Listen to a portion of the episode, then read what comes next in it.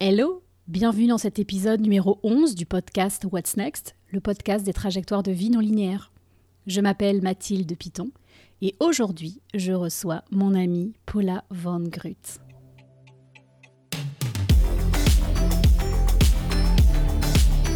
Il commence à y avoir une belle collection de portraits dans What's Next. Si vous débarquez, je m'appelle donc Mathilde, je vis à Boston aux États-Unis depuis 2012 et dans la vie j'ai eu plein de métiers éditrice, prof de yoga, guide, autrice de guides de voyage, de livres de yoga, de jeux, de livres de cuisine aussi. Depuis quelques mois, je m'interroge sérieusement sur ce que va être ma prochaine aventure professionnelle et je le raconte toutes les semaines dans un récit qui est le journal de bord de cette quête, avec ses hauts et ses bas et toutes les questions connexes qui s'y rattachent. Et dans ce podcast, j'interviewe des gens qui ont eu leur propre moment What's Next que j'ai envie de décortiquer euh, avec elles. Ces personnes ont un lien avec le récit que je publie. En l'occurrence, cette semaine, dans la newsletter What's Next, je raconte la lecture de mon thème astral avec Paula et les réflexions qui en sont sorties. Je vous invite donc à découvrir mon récit dans la newsletter de la semaine sur Substack. Mon récit se lit ou s'écoute. Il y a aussi une version audio de tous mes textes déjà publiés. Pour rejoindre cette aventure, j'ai mis toutes les infos en note du podcast. Un grand merci à toutes les personnes qui rendent ce projet possible en ayant choisi de me soutenir via la formule payante et qui par la même occasion participent aussi en racontant leur propre What's Next sous chacun de mes articles. Rejoignez-nous, c'est très convivial. Puisque je parle de la lecture de mon thème astral dans la newsletter de la semaine, c'est donc tout naturellement que dans le podcast Compagnon, j'invite mon astrologue. Ça fait cool de dire ça, non? Mon astrologue Paula Von Grut. Je vous en dis pas plus parce que cette conversation est pleine de surprises. Sans plus attendre, je vous laisse avec euh, Paula. On se retrouve après pour un débrief et pour vos DM Instagram. Salut Paula. Alors, même si on est amis, même si on se connaît, j'appréhende un peu de te parler parce que tu es euh, astrologue et c'est, tu as une aura qui est nimbée de mystère c'est un peu comme quand j'ai parlé euh, avec la coach, c'était l'un des premiers épisodes de What's Next. J'ai l'impression en plus que tu me connais un peu trop parce que tu as lu mon thème astral. Je me sens un petit peu trop à découvert devant toi. Mais bon, heureusement, aujourd'hui, ce matin, on n'est pas là pour parler de moi, on est là pour parler de toi. Alors, ma première question, c'est comment tu réponds à la question que fais-tu dans la vie? Ben, je réponds de façon très simple et très directe en disant que je suis artiste et astrologue. Et, et voilà, et c'est très intéressant de voir comment les gens réagissent. et justement, est-ce que toi, tu as, zéro problème à répondre à ça ou parfois tu as un peu d'appréhension en fonction des personnes qui sont devant toi? Bah, disons que euh, bah, ça dépend des jours, effectivement. Il y a des jours où on se sent plus euh, vulnérable, on n'a pas trop envie, parce que c'est jamais neutre de dire qu'on est astrologue, quoi. C'est-à-dire que si je disais je suis expert comptable, ça pourrait, tu vois, en soi, c'est un métier armure, quoi. Et quand tu dis astrologue, euh, ben, en fait, tu es déjà en train de dévoiler beaucoup de choses parce que tu es en train de dévoiler euh, tes croyances, tu es en train de dévoiler ta sensibilité. Donc, si tu es dans une journée, ben, ça m'arrive, hein, de me sentir vulnérable, euh, peut-être, ouais, peut-être j'aurais tendance même pas à présenter, à dire qu'est-ce que je suis je suis en fait plus des conversations et puis euh, je me laisse un peu dériver. Mais voilà quoi. Et comment ça se passe euh, une semaine de travail dans la vie d'une astrologue et artiste? Bah, En fait, astrologue, artiste et communicante, parce que je travaille toujours euh, dans tout ce qui est communication web, dans des secteurs qui n'ont rien à voir avec l'astrologie, notamment tout ce qui est célébrité, mode, ce qui peut paraître comme ça à première vue totalement aux antipodes. Mais ça me fait du bien parce que ça me permet en fait de pas, euh, je dirais, sombrer dans le monde du bien-être, wellness spirituel que je trouve parfois est, très, euh, je sais pas, parfois très convenu, parfois très superficiel, parfois un peu plein d'injonctions. Quoi. Donc parfois j'aime bien sortir de ça, me jeter dans la gueule du loup euh, un peu Oups, on a eu un petit problème d'internet à ce moment de la conversation parce qu'on enregistre ce podcast euh, chacune chez nous, chacune euh, sur notre continent, Paula en Europe et puis moi en Amérique du Nord. Mais j'avais envie de garder ce qui a déjà été dit, mais là Paula va reprendre à la question comment s'organise ta semaine entre tes différents métiers?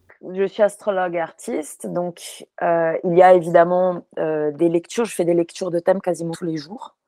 Euh, et il faut savoir que quand je fais une lecture de thème, ça me prend une heure et demie avec la personne et facilement une heure à une heure et demie de préparation. Donc, grosso modo, c'est trois heures de ma journée où vraiment je suis focalisée sur quelqu'un. Artiste, évidemment, là, je suis en train de faire des jeux de cartes, des oracles, donc j'essaye de caser ça. C'est souvent le soir, en fait où j'arrive vraiment à, créer. Et puis le reste du temps, c'est beaucoup euh, la communication web. Et pour moi, mais aussi pour des clients. Et en fait, ça me permet euh, cette. Euh, c'est quasiment comme si j'avais en fait deux vies, quoi. Une vie qui serait plus, au, disons, en rapport avec les enjeux de la société de maintenant, et puis une partie qui est plus dans ce monde, voilà, de spirituel, euh, euh, plus dans le côté ésotérique de la force. Et, j'essaye aussi beaucoup de de ne pas euh, rentrer dans ce que je vois énormément, notamment d'ailleurs dans les réseaux américains et anglo-saxons, de ces sortes de gourous spirituels, des trucs comme ça, parce que plus ça avance, moins ça me parle. Quoi. Je savais pas que tu, que tu continuais à être communicante. Je pensais que tu avais arrêté complètement parce que nous, en fait, on s'est rencontrés il y a plus de 12 ans. Je crois même que c'est plus, en fait. Et moi, j'étais éditrice de livres de cuisine chez Larousse et toi, tu étais community manager. Je ne sais pas si tu disais ça à l'époque. Et qu'est-ce qui s'est passé là en 12 ans, Paola? Bah, grosso modo, euh, donc le travail de communicant, euh, de communicante sur le web, j'ai démarré quand je travaillais avec Paolo Coelho, donc j'ai démarré ça en 2006, au tout début en fait de la bulle euh, des réseaux sociaux, c'est-à-dire que j'ai vu venir Facebook, j'ai vu venir Twitter, j'ai vu venir YouTube, quoi. C'est-à-dire que j'étais là sur le front dès le début. Et donc j'ai travaillé avec Paolo Coelho, c'était super intéressant, mais très intense comme expérience. Après, je me suis mise à mon compte. J'ai commencé à travailler avec euh, donc Christina Cordula, qui est donc célébrité à la télé, qui fait de la mode, ainsi de suite, qui est une cliente que j'ai jusqu'à ce jour. Et, euh, et, en fait, ce qui s'est passé, c'est que je me suis rendu compte que j'aimais bien faire ce travail. Et, en fait, je me suis rendu compte que ce qui finalement me manquait, c'était que, OK, je pouvais transmettre le message des autres, mais il fallait aussi que j'arrive à communiquer mon propre message. J'en pouvais plus d'être juste le, porte-parole. Euh, et, en fait, ça a été un rééquilibrage euh, fondamental, je dirais même identitaire, super important, où je me suis dit, ben, j'aimerais bien, moi aussi, euh, dire des choses, partager des choses. Et ça s'est fait petit à petit. Je me suis rendu compte que j'aimais bien transmettre, donc bien enseigner à des adultes. Et quand je me suis posé la question de savoir, ah bah, qu'est-ce que je vais enseigner, j'avais enseigné un peu évidemment sur les réseaux sociaux, mais j'étais lucide sur le fait que c'était pas quelque chose que j'adorais. C'était quelque chose que j'aimais bien, mais il n'y avait pas cet aspect de passion, tu vois? Et je me suis dit, Paula, tu vas pas tenir sur le temps pour enseigner des choses où finalement ton cœur n'y est pas.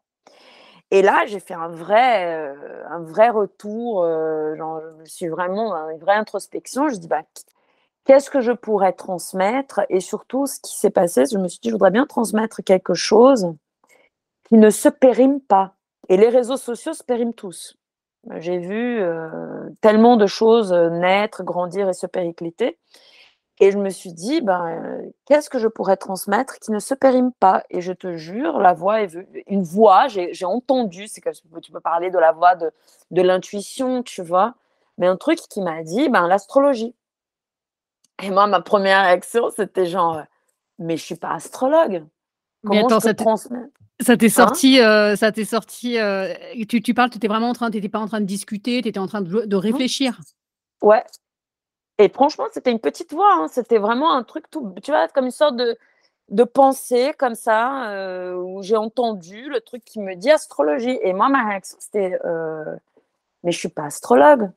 Et puis la petite voix, elle a dit Bah, deviens-le, quoi. Et là, c'était genre euh, Ah ouais, ah bah, d'accord, ok.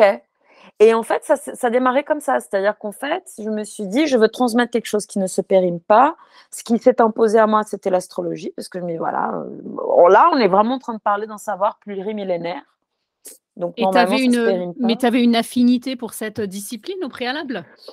Bah, En fait, ça, s'est toujours fait d'une façon très, euh, comment je pourrais dire, euh, je suis pas du tout euh, quelqu'un qui écoutait des astrologues, lisait des horoscopes, achetait des... Genre, c'était absolument pas mon truc, euh, l'astrologie pop. Je savais que c'était un truc qui m'attirait absolument pas.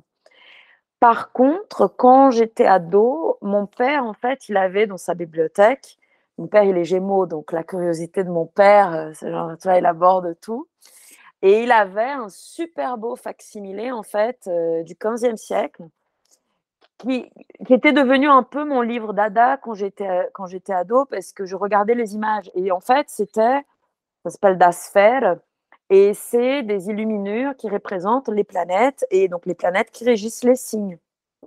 Les planètes, elles sont représentées comme des dieux. Hein, donc, tu as, le Soleil, tu as Vénus, tu as Mercure. Et puis, tu avais des médaillons avec les signes et puis des scènes, en fait, euh, qui racontaient, grosso modo, ben, toute l'énergie derrière, disons, chaque planète.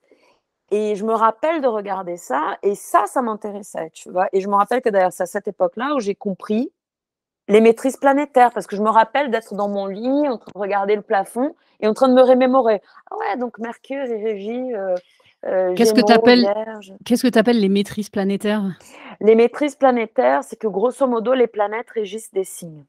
Donc, par ah. exemple, Mercure régit Gémeaux et Vierge. Vénus régit taureau et balance. Saturne régit euh, verso et capricorne, tu vois, et ainsi de suite. Et grosso modo, ça, c'était ce qui m'intéressait. quoi. C'était l'architecture du truc, c'était la dimension plus profonde, c'était l'histoire, c'était l'iconographie. Et donc finalement, c'est ça en fait qui est resté. Et quand j'ai décidé de transmettre quelque chose par moi-même, la seule chose qui s'est imposée vraiment, c'était ça. quoi. C'était drôle, hein, parce que. Mais du coup, parce que je sais que tu es ensuite passé par une école d'astrologie à Londres, mais parce que de là à te dire de comment t'es passé, ce qui m'intéresse, c'est de savoir ce moment où tu t'es dit, ok, j'ai cette idée de transmettre l'astrologie, mais je suis pas astrologue, donc je dois devenir astrologue. Et comment tu as vraiment as passé le cap? Parce que des fois, on peut avoir des idées et on les on les poursuit pas. Mmh.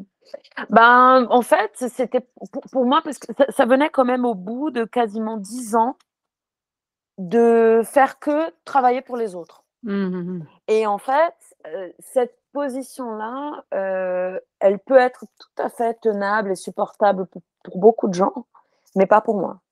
Et au bout d'un moment, je commençais.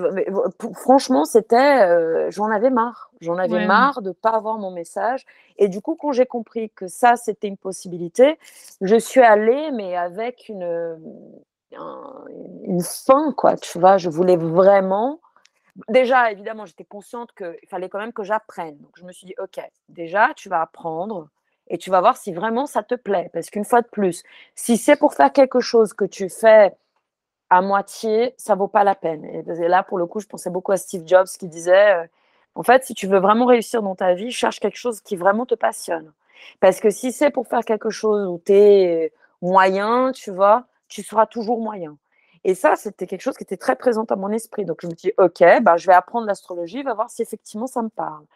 Et quand j'ai commencé mes cours à la London, que je faisais via Zoom, euh, c'était j'avais l'impression de tomber dans le, chaudron de quelque chose que je connaissais depuis toujours, parce que dans mon histoire de vie, les vraies passions que j'avais dans ma vie, c'était quand j'étais petite, c'était les mythes.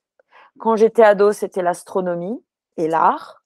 Et puis quand j'étais euh, adulte, c'était le bouddhisme, la psychologie, ainsi de suite. Donc en fait, quand je commençais l'astrologie, j'avais des... et la philosophie évidemment, quand j'ai commencé l'astrologie, c'est comme si j'avais tout le savoir et c'était juste une question de le restructurer en fait. Et donc c'était apprendre un langage avec des tas d'éléments que j'avais déjà. Donc ça a été un. C'est comme si tu rentres dans une pièce et tout d'un coup euh, les lumières s'allument et tu te dis mais attends mais je, suis chez moi quoi. Et c'était ça. Et tu cette école ça a duré trois ans il me semble? Trois ans. Tu reçois un diplôme et qu'est-ce que tu as fait en fait, c'est ça le truc, c'est-à-dire que moi, euh, j'ai fait les trois ans, euh, j'ai pas passé le diplôme encore parce que c'est tout un truc, tu passes plusieurs examens et tout ça. Je m'étais dit, ok, je fais les trois ans, Et après, je vais préparer le diplôme parce que tu peux faire ça dans cet ordre. Le truc, c'est au bout de la première année, tu es déjà en capacité de lire des thèmes astro, c'est-à-dire le thème de naissance de quelqu'un. Et les deux années d'après, c'est pour apprendre en fait toutes les techniques qui seraient, tu vois, prédictives, c'est-à-dire regarder comment le ciel d'un moment donné est en train d'interagir avec ton thème et des tas de techniques, parce qu'en astrologie, tu as, des dizaines de techniques, quoi. C'est hyper riche, quoi. Donc, en fait, ce qui s'est passé pour moi, c'était, OK, première année, ça me, ça, me, convenait tout à fait. Je dis, OK, la première année, j'apprends à, à lire un thème. Donc, comme c'était cette école anglaise, je, voilà, il y avait un cours de deux heures toutes les semaines, il y avait énormément de matériel. Entre les, donc, je lisais beaucoup. Euh, voilà, j'ai vraiment mis ma tête euh, sur ça, quoi. Euh, en plus de toutes mes autres activités, quoi. voilà. Et au bout d'un an, je dis, bon, ok, Paula, maintenant, théoriquement, tu sais nager. Maintenant, tu vas te jeter à l'eau et tu vas nager. Donc, tu vas commencer à faire des lectures de thèmes. J'avais une peur panique. C'était genre, qui es-tu pour commencer à lire le thème de qui que ce soit au bout d'un an? C'était ça, une, ça une de mes questions parce que je me disais comment tu, tu passes d'un. Alors, toi, tu n'as pas complètement arrêté ton métier de communicante, mais comment tu mmh. assois une crédibilité et tu trouves une clientèle euh, dans un métier qui n'est pas forcément où il n'y a pas voilà un diplôme reconnu ou je sais pas une qualification qui dit maintenant mmh. je suis telle ou telle euh, chose, je suis expert comptable, je sais pas. Pour reprendre ton exemple. Bah, en fait, il faut dire aussi que je suis passée par l'école de Paulo Coelho, tu vois. Euh, Paulo Coelho, c'est donc un des auteurs les plus connus au monde et il n'a pas fait de fac. Et en fait, je me rappelle en travaillant avec lui, j'ai, alors que moi, j'ai fait des études très prestigieuses, machin, tatata, j'ai des diplômes en France qui sont très bien considérés, machin. Et c'est vrai que quand j'ai commencé à travailler pour Paolo, cette question du diplôme et de la reconnaissance sociale a perdu beaucoup de son lustre. Parce que je me suis dit, en fait, euh, que tu un bout de papier qui te prouve que tu as fait quelque chose, euh, ouais, c'est bien sur certains métiers. Par exemple, être médecin, c'est mieux d'aller voir quelqu'un euh, qui peut te présenter des credentials, tu vois. Mais à part de ce genre de métier, tout le reste, c'est plus important d'être face à des personnes qui sont passionnées, qui veulent, euh, qui sont tout le temps en train de se former finalement, hein, euh, et, qui vont franchement. Quoi. Donc il y avait ça. Donc euh, la question de la représentativité sociale et de, et de et d'avoir cette validité là ne me taraudait pas. Donc j'étais libre de ça.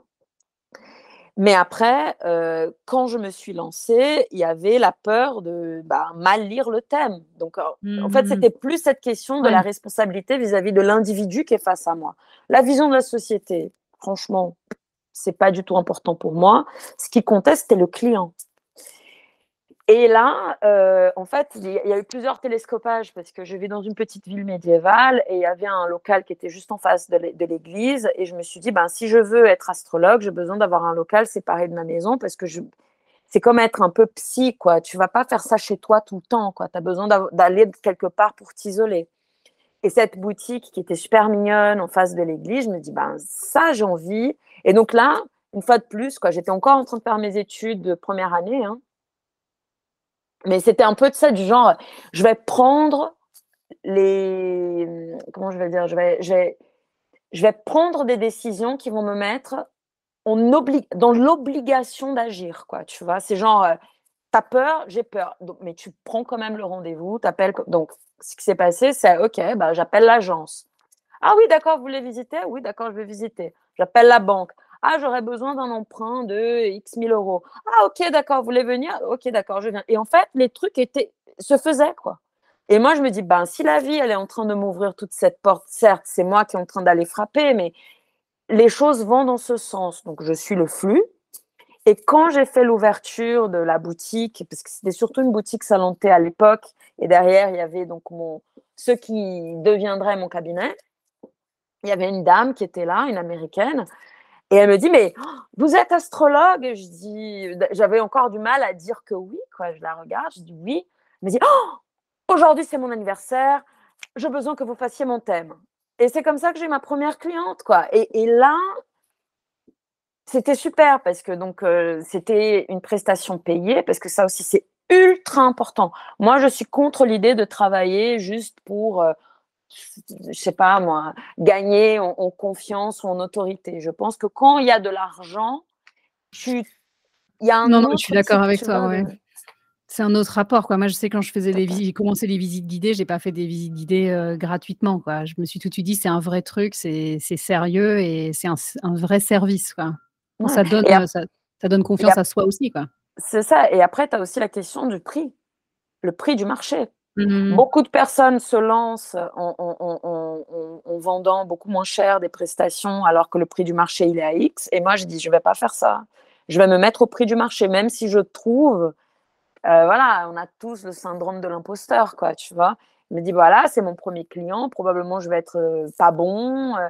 Mais en fait, je suis allée la voir, ça s'est super bien passé et, et, je suis sortie de là avec de l'argent et je me suis dit, ben voilà, quoi, as démarré, Paula, c'est bien. Vas-y, continue. Tu lui avais dit que c'était, c'était, qu'elle était ta première cliente? Non. Non, non, non. Elle she doesn't need to know that. Je sais pas ce que je veux dire? Non, c'est pour le coup, sinon tu te, tu te justifies. Je sais pas, j'ai pas envie. Ta boutique, elle a l'air euh, vraiment chouette et elle s'appelle la boutique Van Grut, c'est ça? Ouais. C'est un, un pseudo que tu as pris. Pourquoi tu as décidé de prendre un pseudonyme?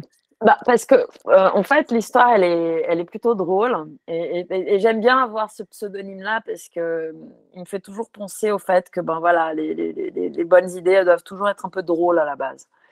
Grosso modo, c'est mon mari. Euh, il est donc français, il a un nom très français, mais en faisant des recherches généalogiques, il se rend compte que sa famille venait d'une forêt à côté de Zurich qui s'appelait Grut. Et ça, c'est un truc qu'il a fait dans les années 2000, quoi. Et il avait un pote à lui qui était germanophone. Et euh, le pote, il a su l'histoire. Et comme mon mari, il est professeur à la fac, ben, l'ami en question n'a pas hésité à commencer à l'appeler professeur Grut. Quoi. Donc, il a anobli, euh, tu vois, et c'était un peu une façon de, de jouer avec. Et moi, j'adorais le professeur Grut. Je trouvais que ça donnait, ça, fait rêver, quoi.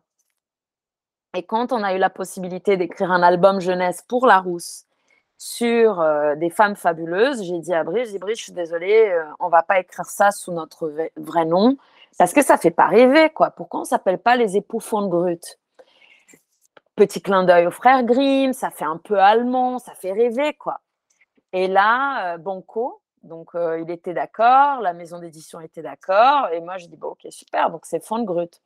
Et quand j'ai commencé mon activité d'astrologue, moi je me suis dit, ben, pourquoi pas euh, Paula Fondgrut, quoi. Parce qu'en fait, je suis brésilienne, je m'appelle Paola. Mais quand je suis arrivée en France, tout le monde m'appelait Paula. Donc, je me dis, bah, Paula Fondgrut. Et comme ça, c'est comme ça que le, le nom est commencé, quoi. Quand on s'est rencontrés, tu faisais déjà, tu étais déjà artiste, tu étais déjà, tu faisais des collages, c'est magnifique. Euh, j'ai vu parfois des gens euh, avoir des, des, reproductions chez eux. Moi, j'aimerais bien en avoir une si je vivais pas à 5000 km de l'autre côté d'un océan. Ah, mais je vais aux États-Unis. Hein. tu ressens deux jours. Hein. Ça arrive en bon état ou pas? Ah, tu c'est imprimé aux États-Unis et livré. Hein. Ah, d'accord, ok. Ah. Il y a même des gens qui se font des tatouages de tes collages. C'est fou ça. Fait. Comment, comment aujourd'hui, tu, quel est ton travail d'artiste? Euh, Qu'est-ce que tu fais Est-ce que tu continues tes collages? Est-ce que ça se développe autrement? Est-ce que c'est en lien avec l'astrologie? Oui, c'est-à-dire que en fait, j'ai continué le travail de collage parce que pour moi, c'est ben, l'art visuel, euh, c'est c'est vital, quoi. C'est-à-dire que si je peux pas exprimer toutes les idées qui me traversent l'esprit de façon visuelle, ben, j'ai parfois j'ai l'impression de, je sais pas, c'est comme un trop plein d'énergie, quoi. J'ai vraiment besoin de le faire. Et, euh, et quand j'ai commencé l'astrologie, c'est tout naturellement que j'ai commencé à incorporer en fait des images euh, euh, célestes en fait dans mes compositions. Et quand j'ai eu la possibilité de faire mon livre d'astrologie, toujours pour la rousse d'ailleurs, on reste toujours dans, le giron. J'ai la condition pour moi, c'était OK, je peux faire un livre d'initiation à l'astrologie, mais si j'illustre le livre. Et là, et, je m'attendais à ce qu'on me dise non, parce que je me suis dit, bon voilà, euh, peut-être, euh, je sais que j'ai une esthétique qui n'est pas moderne, machin. Et en fait, pas du tout. C'était une, des, une des raisons pour laquelle on était venu me chercher. Donc, j'ai pu illustrer le livre et c'est vrai que je continue. C'est-à-dire que le collage numérique et l'astrologie, maintenant, vont vraiment main dans la main, quoi. Quand je t'ai rencontré, moi, j'étais j'étais salariée et j'imaginais que le salariat, c'était le but ultime de la vie professionnelle et qu'un CDI, c'était vraiment le Graal. Et je t'ai vu, toi, arriver chez Larousse et faire tes missions en freelance. Et puis, tu travaillais aussi déjà à l'époque pour Christina Cordula. Tu avais d'autres clients et mmh, tu étais artiste déjà. Je te voyais travailler depuis chez toi, à Moret, sur Loin, et tu venais à Paris pour les rendez-vous et je trouvais ça hyper glamour. Et en fait, je pense que ça m'a pris du temps pour vraiment le réaliser, mais tu as été un modèle, en fait. Quand quelques années plus tard, je me suis dit, non, moi aussi, je peux être freelance, moi aussi, je peux faire plusieurs trucs. Et je repensais en fait toi à ta façon de vivre et à ta façon de faire, et ça m'a vachement porté. Je me suis dit, euh, j'ai pas besoin d'être salarié, je peux être freelance, je peux être indépendante comme, comme Paola. Alors, tu as mentionné Steve Jobs et puis Paolo Coelho, mais est-ce que tu as des modèles, d'autres modèles dans ta vie qui t'ont mené là où tu es aujourd'hui? Parce que tu as l'air d'être quand même, je trouve que tu me donnes toujours cette impression d'être quelqu'un de très sûr de toi, de très confiante. Peut-être c'est pas le cas. Mais qui sont tes modèles à toi? Qui, est ta... qui sont tes Paula Qui sont mes Paula Déjà, bah, ça me touche énormément ce que tu dis, hein, Mathilde.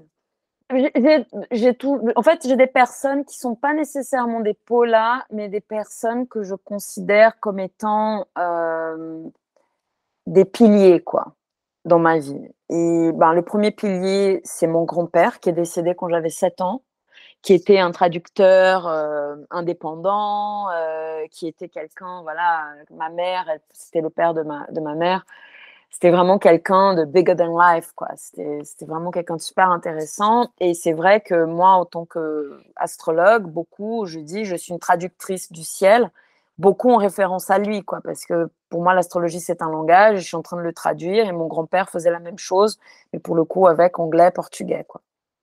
Euh, et après, l'autre personne qui pour moi est un pilier, ben, c'est mon mari. Hein. C'est-à-dire que quand, à chaque fois que je venais le voir, je disais, ben voilà, je pense que maintenant je vais devenir astrologue, il m'a pas du tout jugé. Il m'a pas du tout. Euh, alors que je me rappelle qu'à l'époque, je sais pas, j'avais parlé à quelqu'un et la première réaction de la personne, c'était Mais qu'est-ce que ton mari pense de ça? Et Moi, j'étais genre J'ai besoin de demander sa permission, euh, c'est quoi le délire? Donc, pour moi, euh, mon mari, c'est vraiment quelqu'un que j'admire énormément parce que je trouve que non seulement c'est un, bah un être humain euh, hyper bienveillant, mais en plus, euh, c'est quelqu'un qui ne, qui ne juge pas. Et moi, j'essaye toujours de garder ça aussi à l'esprit. Je n'ai pas envie de juger les autres. Donc, euh, c'est en étant aussi en rapport avec mon mari, je vois comment il, se comporte dans la vie, euh, il m'inspire énormément, quoi. C'est vraiment un être humain qui, voilà. Après, il est fonctionnaire, euh, il a une vie totalement, d'une certaine façon différente, et c'est toujours moi qui le pousse en fait à, faire d'autres trucs. je, suis un, je, suis un, peu le moteur, quoi. C'est moi qui est tout le temps en train de dire, ok, va faire ci, va faire ça. mais c'est vraiment, je pense, la personne que j'admire le plus, c'est lui. C'est beau de dire ça, de son partenaire. Ouais. Tu, mmh, je voulais revenir sur le fait que tu, enfin, tu as dit rapidement que étais, enfin, ton mari était français, parce qu'en fait, toi, tu es devenue française, parce qu'à l'origine, tu es brésilienne. ton père est diplomate, si je ne me trompe pas. Tout à fait.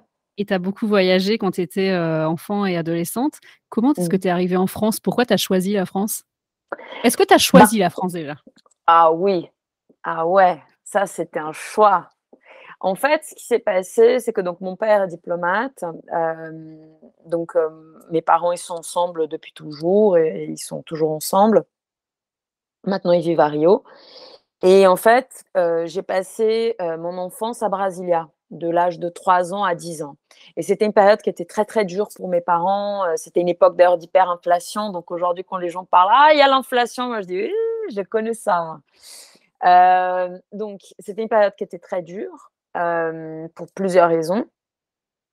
Mais malgré toutes les difficultés, bah, mon père, m'avait mis à l'école française à l'âge de 7 ans, ce qui était une expérience traumatisante. Euh, je me rappelle d'arriver à l'école française en CP, ne parlant pas un mot de français et avec des gens qui essayaient de, de m'enseigner à écrire, quoi, une langue que je ne comprenais pas.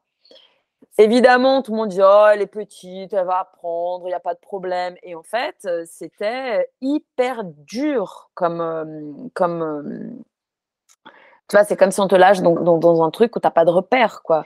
Et j'avais pas d'aide. Ça, semble fou parce que tu n'avais pas eu d'initiation préalable. C'était vraiment, tu es arrivé au premier jour d'école. Euh, suis arrivée comme une fleur. Donc évidemment, j'étais une très mauvaise élève parce que je comprenais, euh, genre, je sais pas, moi, 10% de ce qui était dit. Ah et je suis tombée, notamment en CE1 et CE2, sur un prof qui euh, n'avait aucune patience et qui vraiment pensait que j'étais une débile mentale. Donc en fait, j'étais euh, humiliée par ce prof, j'étais humiliée par les élèves, donc j'ai eu toute une période de bullying quand j'étais enfant. C'était très très dur. Et en même temps, avec toujours ce côté, mais non, elle est enfant, elle va se débrouiller. Euh, tu vois, mes parents, les pauvres, ils étaient tout le temps en train de travailler. Donc en fait, grosso modo, j'étais un peu livrée à moi-même. Quoi. Donc c'était une période complexe. Et quand j'avais genre 9 ans, euh, je me rappelle, je suis tombée malade. Euh, j'ai eu genre une, une, angine, un truc comme ça, et donc beaucoup de fièvre. Et je ne sais pas pourquoi, mais ce jour-là, ma mère, elle était à la maison, c'était en semaine. Et moi, je reste à la maison et ma mère me dit Paula, tu vas t'allonger dans le bureau de ton père où il y avait la télé, il y avait un, canapé, et je vais te donner donc des couvertures en laine. Tu vas rester là et tu verras que dans 2-3 heures, alors qu'il faisait genre 30 degrés à, tu vois, en température ambiante, tu vas transpirer. Tu c'était un peu à l'ancienne, quoi. Tu vas transpirer toute ta, cette fièvre, quoi. Et moi, je dis, bah, OK. Et là, elle me met, en fait, euh, un documentaire à la télé et c'était sur la Sorbonne. Donc, moi, j'étais, euh, tu vois, en train de regarder ce truc, en train de délirer, tu vois, un peu. je rigole, c'est pas drôle, la pauvre, pauvre, pauvre. Non, mais c'était vraiment comme ça. Et, euh, et, en fait, je voyais, tu vois, ces images de Paris. et Brasilia, c'est horrible. Paris, c'était beau. Je sais pas comment t'expliquer. J'ai commencé à rentrer dans un délire. Et je sombre donc dans un sommeil hyper profond. Et quand je me réveille, j'étais effectivement ben, comme si, on m'avait mis dans une piscine. Je me lève, tu vois, sans fièvre. Je vais voir ma mère dans la cuisine et je dis euh, Maman, j'ai envie d'aller euh, faire mes études à la Sorbonne. Et là, ma mère qui me regarde, elle me dit bah, Super, mais tu sais que ça ne se fait pas comme ça. Je dis Qu'est-ce qui est nécessaire? Il faut que tu deviennes une très, très bonne élève. Et elle parlait à quelqu'un qui était parmi les pires, quoi, parce que je comprenais rien, j'étais pas bonne, j'étais humiliée, ainsi de suite. Et là, je, la regarde, je dis, mais, si, c'est la seule façon, ben, je vais tout faire pour devenir une bonne élève et pour avoir une bourse d'études et pouvoir aller à la Sorbonne. Grosso modo, c'était mon but. Et donc, euh, je n'ai pas dérogé au but. Et d'année en année, ben, je devenais meilleure élève. Quand on m'a dit qu'en fait, je ne pouvais pas partir à la Sorbonne, parce que la Sorbonne, comprends-tu, c'est juste une fac, et la seule bourse d'études qui existait, c'était pour des écoles prépa que je ne connaissais pas, et des grandes écoles. Moi, j'étais genre, bon, je suis un peu déçue, euh, j'aurais bien aimé faire la Sorbonne, faire de la philosophie à la Sorbonne. Et euh, mais bon, euh, voilà, j'ai fait une école prépa, puis une grande école, mais toujours avec ce but de rester en France et de surtout pas revenir à Brasilia. Donc il y avait un peu le côté de, comment dire, euh, j'avais un rêve d'évasion et, et, je me suis donné les moyens de m'évader de ce que je, je considérais comme étant une période assez dure et sombre. Tu as quand même aussi ce don de raconter les histoires, j'avais presque oublié. J'étais transportée, j'étais avec toi. j'étais là-bas sur le canapé euh, en sueur. Aujourd'hui, tu animes des retraites, tu as une boutique, tu as écrit des livres, tu fais des collaborations avec d'autres artistes. J'ai vu pour Noël un coffret solstice.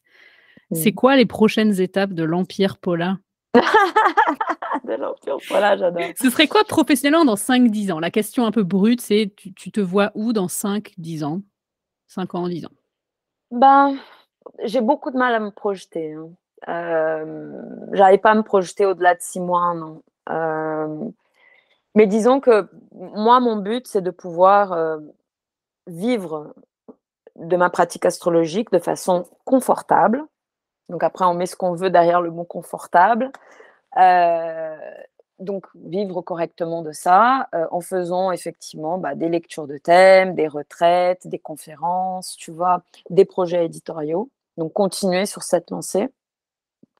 Donc voilà, donc grosso modo c'est ça. Et puis j'ai une ambition euh, qui va au-delà de ça. Mon ambition ultime serait quand même que l'astrologie euh, soit euh, revalorisée aux yeux de la société, parce que je trouve qu'on, malheureusement, notamment en France d'ailleurs, hein, aux États-Unis c'est un peu différent, j'ai l'impression. Les gens ont beaucoup plus accepté, je dirais, l'astrologie qu'ici il y a, y a cette question de dire bon voilà l'astrologie à mes yeux c'est quelque chose de tout c'est un savoir c'est totalement valide c'est pas du tout un truc de, de, dingue ou de bizarre euh, au contraire quoi. C'est quelque chose qui plus plus tu l'étudies plus tu te rends compte que c'est c'est à la base même de notre euh, de notre culture et de notre psyché.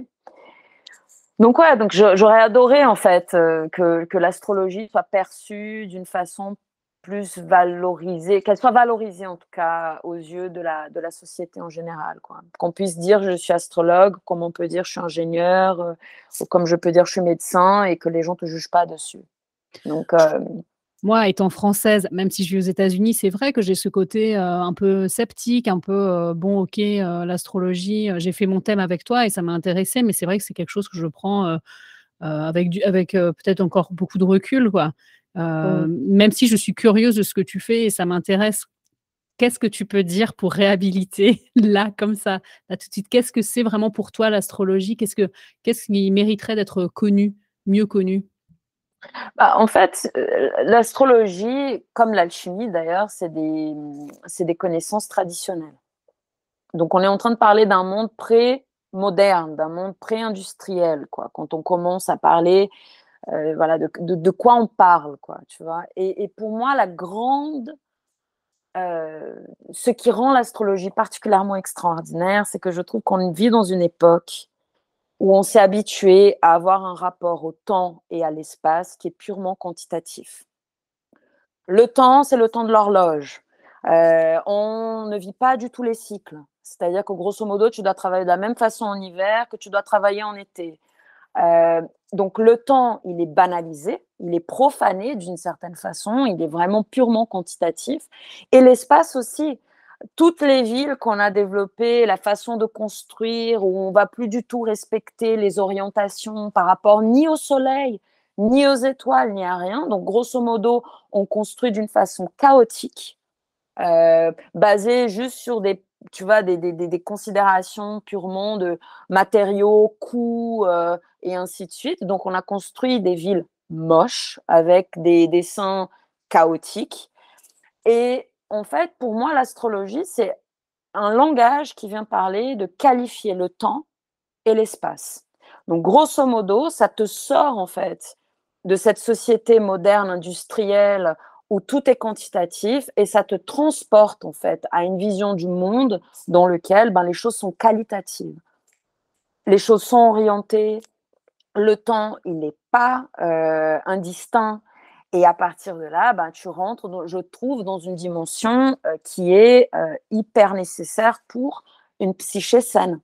Si tu veux, en tout cas, dans, à mes yeux, une psyché saine, c'est une psyché dans laquelle l'individu il comprend qu'il peut pas être que sur du quantitatif, quoi. Il a besoin de qualitatif. J'aime bien que tu fasses comme ça. En même temps, je trouve un espèce de petit cours de philosophie. Mmh. Je trouve que ça donne vachement de profondeur. Quoi. Je m'attendais pas du tout à cette réponse et j'adore. quoi. Qualifier le temps et l'espace. J'ai une dernière question. Ma dernière question habituelle, c'est tu voulais faire quoi quand tu étais petite? Quand j'étais petite, euh, je pense que euh, malheureusement, la première fois où j'ai demandé, parce que mes parents, ils étaient dans une période très difficile matériellement, et un jour, je vais voir mon père, je dis, papa, euh, c'est quoi le métier qui donne de l'argent? Et mon père dit, bah, avocat. Je dis, bah, ok, bah, avocat, mais dans le droit, il n'y a pas un truc spécifique là qui donne vraiment de l'argent pour qu'on puisse résoudre tous nos problèmes là? Parce que j'en avais marre de l'hyperinflation. Et mon père me dit Ah, avocat fiscaliste. Et en fait, je me rappelle que pendant, je sais pas, de mes 9 ans à mes 11 ans, je disais Ouais, je vais être avocat fiscaliste. Comme ça, j'aurai du fric. Et comme ça, j'aurai plus de problèmes, tu vois. Et heureusement que ça s'est pas poursuivi dans le temps. J'imagine. Paula Van Grut, avocat fiscaliste, tu pourrais, tu pourrais changer ta boutique. Expert comptable, avocat fiscaliste. Tu sais que bon, je suis déjà venue dans, ta, dans ton village, mais je, dans, dans, la maison où tu vivais avant, j'ai jamais vu cette boutique, mais elle a l'air absolument magnifique. J'espère que la prochaine fois ou une des prochaines fois où je serai en France, je pourrais venir, euh, je pourrais venir dans ta, dans ta boutique. Merci beaucoup, Paula, d'avoir pris le temps ce matin de répondre à mes questions, enfin cet après-midi pour toi. Merci infiniment à toi, Mathilde, pour cette occasion et je suis super heureuse d'avoir pu participer à What's Next. Vous pouvez retrouver Paula sur Instagram à Paula Van Grut et de là vous pouvez euh, naviguer dans sa galaxie de projets, ses collages, ses oracles, ses livres, ses retraites de yoga et d'astrologie et plein d'autres choses qu'elle propose euh, tout au long de l'année. L'astrologie c'est un sujet euh, clivant on adore ou on adore détester, voire même dénigrer. Moi, j'étais plongée dans tout ce que Paula racontait. Elle a vraiment ce talent de conteuse, de storyteller. J'étais emportée dans chacun de ses récits qui racontent euh, des épisodes de sa vie. Ce que je retiendrai, c'est cette euh, tension euh, entre l'envie de vivre d'une passion suffisamment forte pour qu'elle nous motive pour le restant de nos jours et ce besoin de gagner confortablement sa vie c'est quelque chose qui m'interroge aussi parce que c'est un équilibre que j'ai pas encore trouvé, je cherche encore.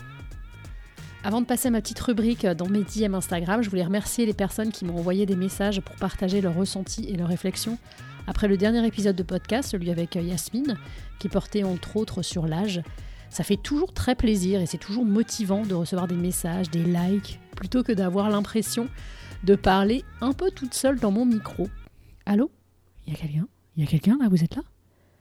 Donc si cet épisode vous a plu, intéressé, surprise, laissez-moi un petit mot sous le post de Paula sur Instagram à What's Next Mathilde. Sinon, il y a plein de façons de soutenir mon travail, de me dire que oui, vous appréciez euh, ces, épisodes. Vous pouvez donc laisser un message. Ça, c'est une, bonne façon. Vous pouvez euh, noter le podcast dans Apple Podcast ou dans Spotify. Ça, c'est le degré du dessus. J'ai zéro revue pour l'instant. Donc, euh, si vous voulez de la première personne à vous lancer, de préférence 5 étoiles, et enfin, la meilleure façon, le, ultimate level, c'est de s'abonner à une formule payante de What's Next. C'est à vous, vous répondez cette semaine dans mes DM Instagram à la question Avez-vous déjà consulté une astrologue? Est-ce que vous lisez votre horoscope? Que vous évoque votre signe du zodiaque? Bonjour, alors moi c'est Leslie, euh, je travaille au Danemark depuis deux ans dans le service client.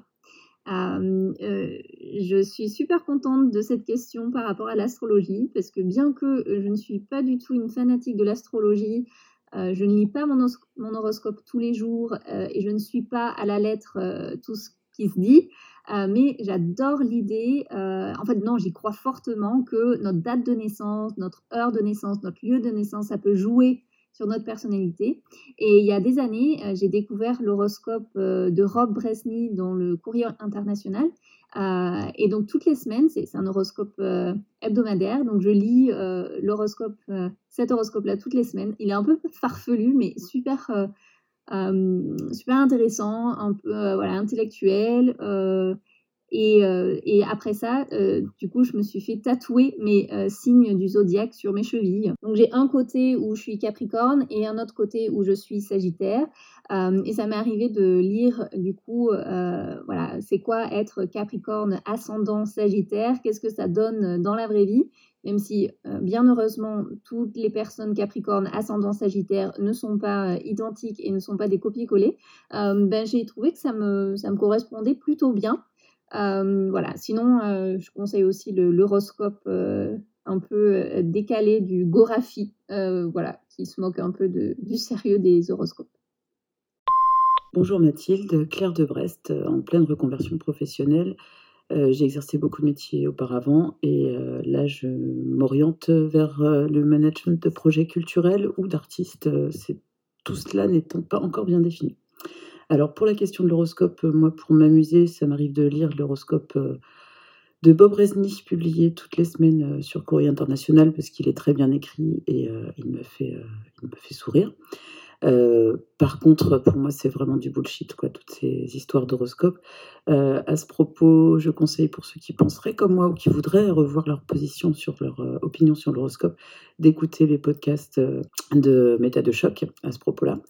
Euh, et il s'avère qu'actuellement, je trouve que beaucoup de personnes autour de moi sont en pleine euh, quête de sens et s'orientent beaucoup vers des hum, pratiques telles que la consultation d'horoscope, l'alignement des je suis désolée, les messages sont coupés, euh, sont partiellement coupés. Merci à Claire et merci à Leslie d'avoir laissé un petit mot. Vous pouvez retrouver mon, ma réponse en fait et euh, la lecture de mon thème astral ou en tout cas mon compte rendu de cette lecture de mon thème astral dans la newsletter de cette semaine, la numéro 20. Rendez-vous sur Substack où je vous raconte tout ça. C'est le récit euh, de ma recherche d'une nouvelle orientation professionnelle et ça s'appelle What's Next. je vous dis rendez-vous dans deux semaines. À très bientôt. Bonne journée.